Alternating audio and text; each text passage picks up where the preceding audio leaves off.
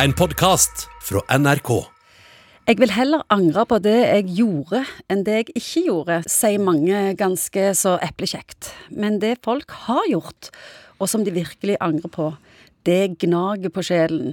Anger er en sterk følelse, Egon Hagen. Ja, anger er en sterk følelse, og det er en sånn typisk eksempel på sånne negative følelser som er litt i denne retusjerte virkeligheten som vi nå lever i, psykologisk sett òg, men jeg ønsker ikke å ha. Ang, hvorfor har vi anger? Det er jo en negativ følelse. Det gjør at du føler deg mislykka og, og, Og det er vondt, det er bare vondt. Det, det svir i sjelen. Men han er der av en grunn. Tenk deg hvis du var en person som ikke angra. Eh, ikke spesielt lurt det. Nei. Så angeren er på en måte som et lite sånn eh, vadder, egentlig. Et kalibreringsinstrument i forhold til egen klokskap, skråstrek, dumskap. Vi har brutt med eget indre kompass. Vi har brutt med det indre kompasset og gjort ting som vi føler er feil. Og det, det viktige altså her, det er en sånn innenifra og ut-definering av at du har gjort noe feil. Det er ikke de andres blikk, det er ikke de andres vurdering, men det er at du føler faktisk at det jeg gjorde der, det jeg gjorde der, Egon, det var feil. Da er det kanskje enda tyngre, fordi at det er jo du sjøl som på en måte føler at du har svikta i forhold til et eget indre kompass, sånn som du sier. På PC-en har vi angreknapp.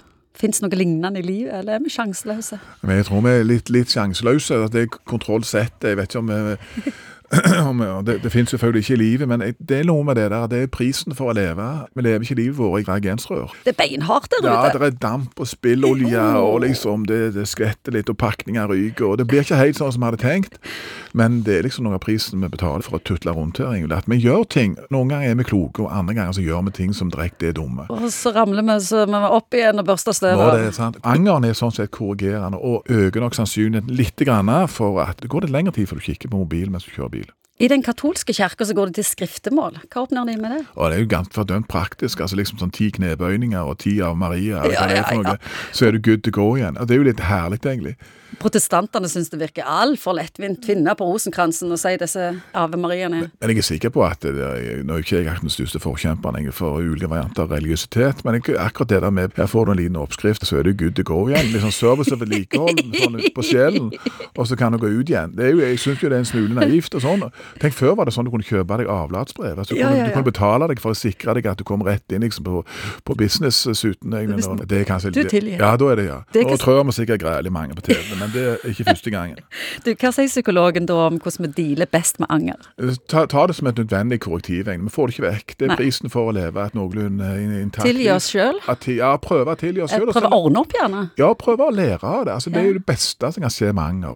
Det dummeste er at du går og gnager og gnager, og gnager, tenker jeg, for en slaur du er, og hvorfor gjorde du det, og du bør skjerpe deg, og ikke gi seg sjøl sjelefred. Det er ikke spesielt lurt.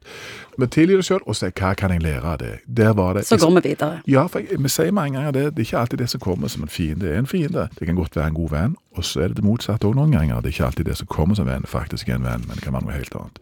Og sånn er det med anger. Det kan være noe å lære, selv om det smaker litt surt. Du har hørt en podkast fra NRK. Hør flere podkaster og din NRK-kanal i appen NRK Radio.